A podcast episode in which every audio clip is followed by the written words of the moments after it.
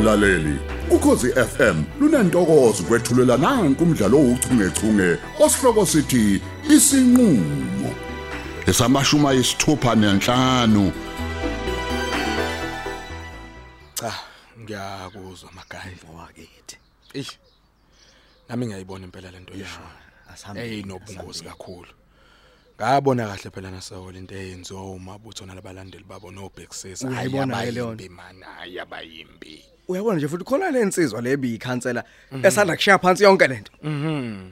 yabeka nje mfethu isizathu sokuthi ayikho into etheni lana kungaze manje ukuthi usungafake manje hayi futhi ayiqinisile akukho lutho okutheni la Uyabona bafa inkinga enkulu lapha inkohlakalo.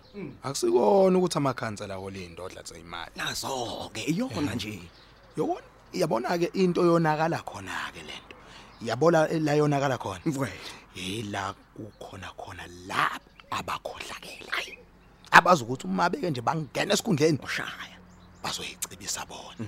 Bashiya umphakathi ngaphandle. Yonakala lapho. lapha indaba ilapha indaba mfowethu Ngiyakutshela.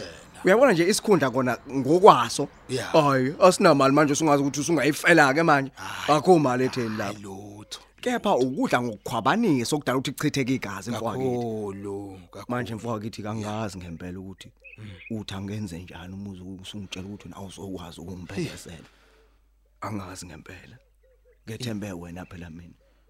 Hey impela ndosi. Awukahle. ngeke ngikwazi mfowethu. Awukahle, U- u- mfowethu. Udadewethu lohlala le esahlumba unomsebenzi hayi bo hayi usho kanjani manje mthambo?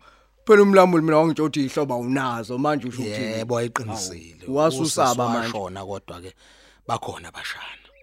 Ibona ka benza umsebenzi kanina. Hayi impela ungixolele mfowethu ngoba nami phela bathembele kumina njengomalume. Hayi ish uzowanzima ke manje hayi ngase mfowethu ngase. Ngebhadi nje kuvele kwashayisana izinsuku. Kanti nami ekubalekile emakhaya. Hey uyazi nawe ukuthi bengeke phela nginqabe ukuthi ngipheleze. Ngoba phela nakumina awu mfowethu umsebenzi phela lo obungifaka kona. hayi kusho ukuthi mina kuyomela ngithinta umlamuli hayi kona ngiyabona lokho kushoyo ngiyakubona impela. Kuhle kodwa phela kuma ukuthi ke ihlobo ikhona yabo eh naba nabashana yabo. Eh, esahlumbe awumfowethu hayi usiyabonga kakhulu. Awuvele nje njengomalume. Yebo. kodwa nje hayi bengayazi phela ukuthi unabashana bengawukazi uyithinte leyo angiyazi inhlobo nje Kahle, mfowethu. mfowethu kahle. Kodwa akasithemba ukuthi kuzohamba kahle mfethu kulomhlangano wenu phela hayi phela nemhlangano ayifani mhlawumbe kulo nje konke nje konke kuhambe ngendlela kungabi khona msindo. Yezwakala angithinde noma umlamuli lapha hey.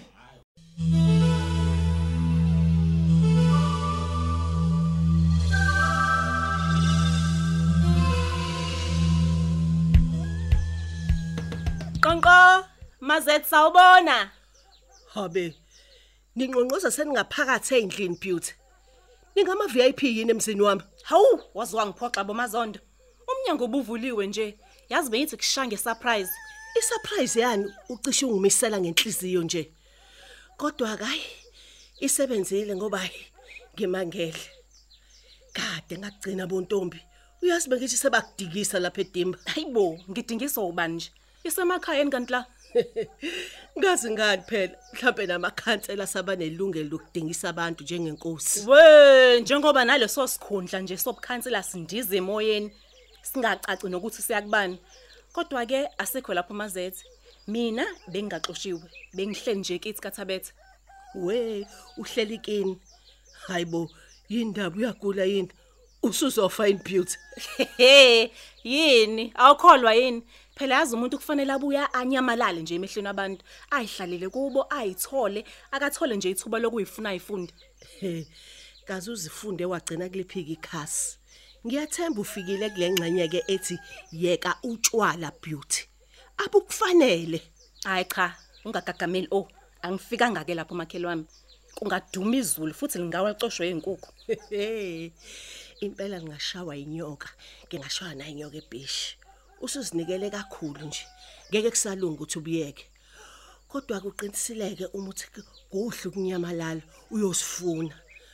Bangaze bakujwayele kabi nalabo matapu tapu. Awusho ke sisakhuluma ngokunyamalala nje. Uphi olwethu?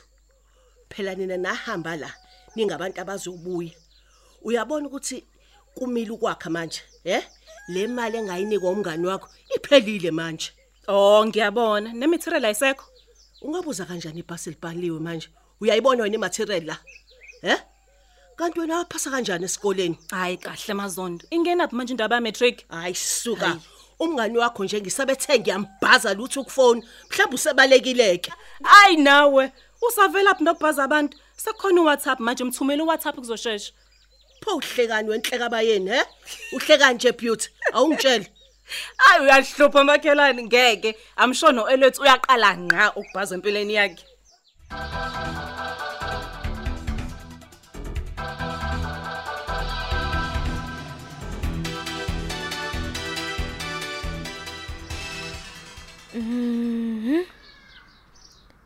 Yini ngempela lesho malumekazi umanxele? Yibo ngaze ngaphuka umoya wami shemi. Yo. Baze balona abantu usuku lami. Umalume ngempela uthi mina azothile. Ngibuyele emaqhosheni. Ngiyokwenzani emaqhosheni mina? Uyazi abantu abadala bayathanda njalo uhlezi befuna ukulwa izimpi zabo ngathi nezingane. Kuyacaca phela ukuthi umalume la useluleme. And usebuyela back manje kule yampi yakhe nobaba. Kaze ngavelelwa webantu. Kusho ukuthi mina ngeke ngikuthola ukuphumula. Ngoba phela nakho bobabili ayikho nje ifuna ugoba uphondo. Hayi. Angifuni mina ukubuyela emaqhosheni. Hayi. Angiyi. Ayisangifanele phela mina leya ndawo. Akukho lutho nje mina emaqhosheni elingilindile. Impilo yami lapha edimba manje. Emaqhosheni ngizobuyela ngilindwe yini? Imisimba nezimbuzi nobulonge be- ngapha beyinkomo zikamalume. Hayi ngeke. Kanye nalemsebenzi yakhona engapheli. Jesu. Hayi phela kufani phela inhlobo nalapha elokushini. La nje mina ey siningi isikhathi engisitholayo ngihlezi nontanga yami nje ngenza izinto zezingane. Buka nje ngiphila impilo yami lana ngokukhululeka. Akho umuntu nje ongixwayayo. Sengize ngayitholela nentombi yami nje futhi enhle engithandayo. Uma nje ngihamba la kwazi bani ukuthi ngiyophinde ngibuye nini futhi ngiyobuyisa ngilindile naleyo ntombi. Hayi ngeke. Impilo yalapha phela iyashesha edimba. Ehehe. We lapha emakhaya mina mase ngibe nentombi khona awungaduma isigodi sonke. Kuthiwa nje nginemkhuba angidingiswe. Hey phela basemuva labantu abalapha nemithetho yakhona nje yakudala engasiza ngalutho sinesisakhula manje. Yazi kuzofanele ngilithole icebo lokubalekela ukuya emaqhosheni. Mhlambe ngingakhuluma nobani?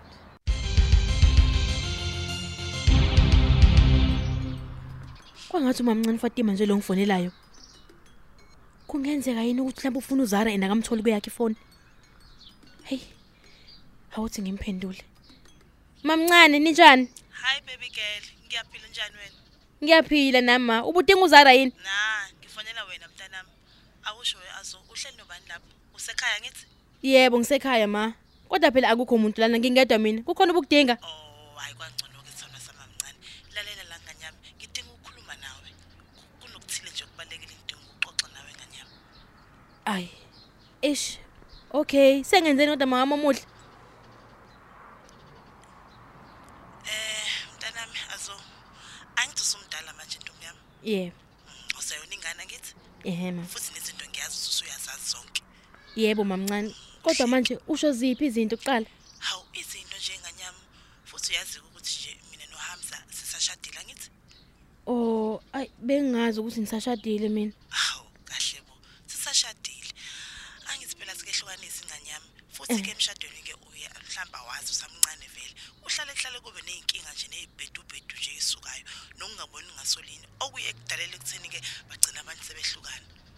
Yebo ma, ngiyazi.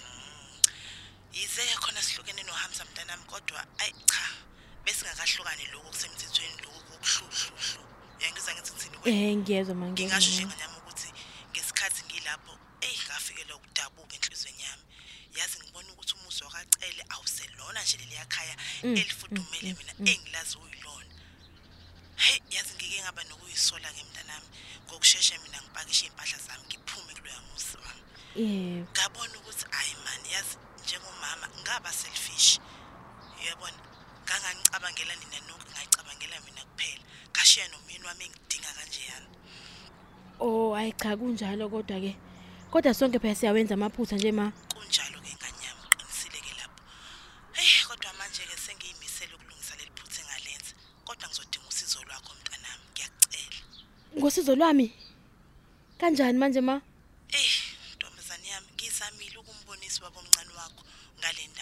Ndaba. Kodwa ke ayi uzwakala ebhoka ngolukhulu laka. Uzwakala umuntu osangibambele iqhubu nje kakhulu. Ngiyabona nje futhi usala wula nayintukuthelo ngaphezulu kwako konke. Ey Nkosi yami kwakubi lokho. Kodwa yazi uma bengangichazeli kahle kahle ukuthi mina ngimsiza kanjani. Eh, nganyama azo kunendlela la ubaba wakho angabuyela ngayo kumina. Eh Wena nje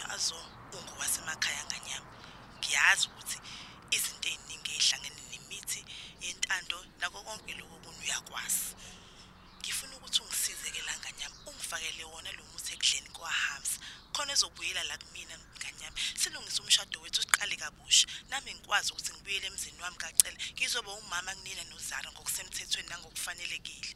Hawu mamncane pho intando. Hawu nganyama iyona kuphela phela manje indlela mesekunje akusekho kunye. Hayi ngeke. Hayi ngeke. Ngiyezwa kodwa ma. Kodwa nje mina ngihleli lapha edimba nje. Ngiyahamba mina ma ngibuyele emaqhosheni. Umalume uthe ungidinga ngibuyele khona nje ngokuphuthuma. Manje nje ayi angiboni ukuthi ngizokwazi ukukusiza manje ngiyaxolisa. Hawu kahle bo azothile. Kahle kahle kahle kahle.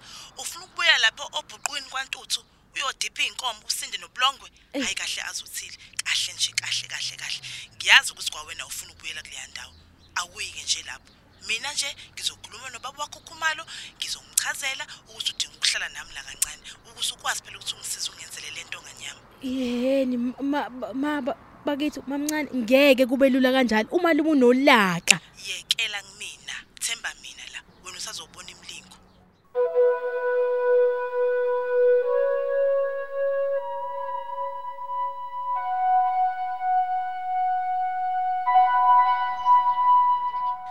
comrade hayi hlala khona lapha kusofa mfowethu. Ah ngakutholela okuphuzwayo. Ey ngakuthokozela ndoda ngathi ngabe ukubabayo nje Eh, ikhanda lami liphithene mfowethu liphithene Hey ngikuzwile nasefonini ukuthi hayi nokho awumuhle kahle qhawe. hayi nokho ke awuzweke mm nakho ke ey awuzweke hayi impela ikona lo ke bengikudinga. Mm. Mm. Hayi bengazi insizwe ne taste kangaka. Nge- ngiyezwa nje nala endlini yakho kuduma umkenenezo ezingasoze zabona classical jazz classical music. Uyazi ungikhumbuza sisagqoka ovoops no bell bottom Ah phela qhawe awusophinda ube khona umculo nje odidwele ngalolu hlobo. hayi lutho lutho impela hayi akuselula. Kodwa phela ingazeli ingane ezisakhula mfana zinalo udlebe. Ukuthi nje abaculi bangalesa sikhathi ba- babeholwa iloko esithi i-hunger and thirst belangazelele eh lokho kuza ngisho insimpini zakhona nje mabeyidlala ukuthi hayi ziyawulapha umphefumulo mfowethu. U- Uyabona nje ubuya sengathi lokho ke okudingakala kulezi insuku zamanje mngani wami. ya hayi konakele big sis mfowethu. Kwenze njani? hayi kumabhekedwane mfethu ingako ngithi angize ngapha ngizopholisa ikhanda.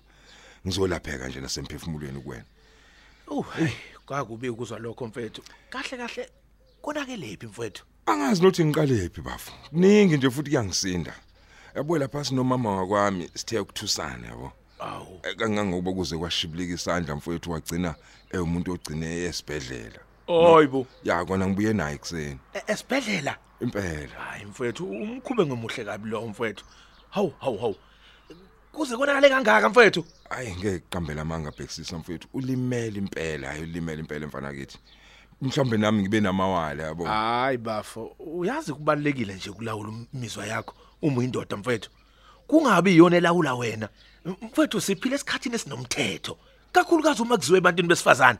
And kubalulekile ukuthi kube yithini sibavikelayo mfethu. ngazi kahle my Hayi leadership qhawe. Hayi hayi. mhlawumbe impela hayi angenzanga kahle hayi yakwenzanga kahle mfethu. bese kuzoba undodana wami umsizi eyi impela nje naye akenzi kahle nje lutho Hayi nje. mfethu yini manje bengithi nje ukuzwa kahle kulomfanyana wakho. Sekwenze njani manje? Ayi. Usengena umoya wanikena.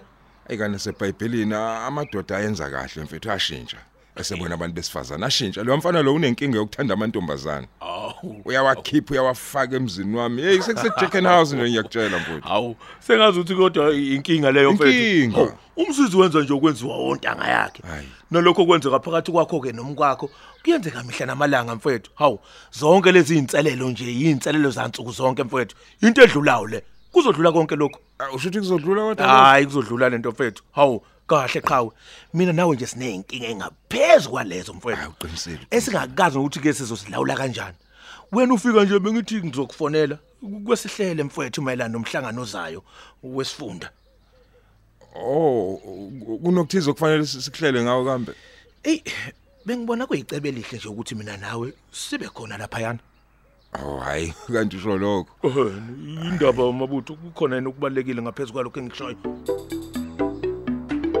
Uphela kanjalo ke umdlalo wethu ouchungechunge osihloko sithi isinqulo ababhali uLerato Tuwe uMandla Dlovu uJabulani Njali kanye noyenziwe Sithole. Kanti lo mdlalo uqoqwwe ngaphansi kweso lika Dolly Ogle olethelwa ukhozi FM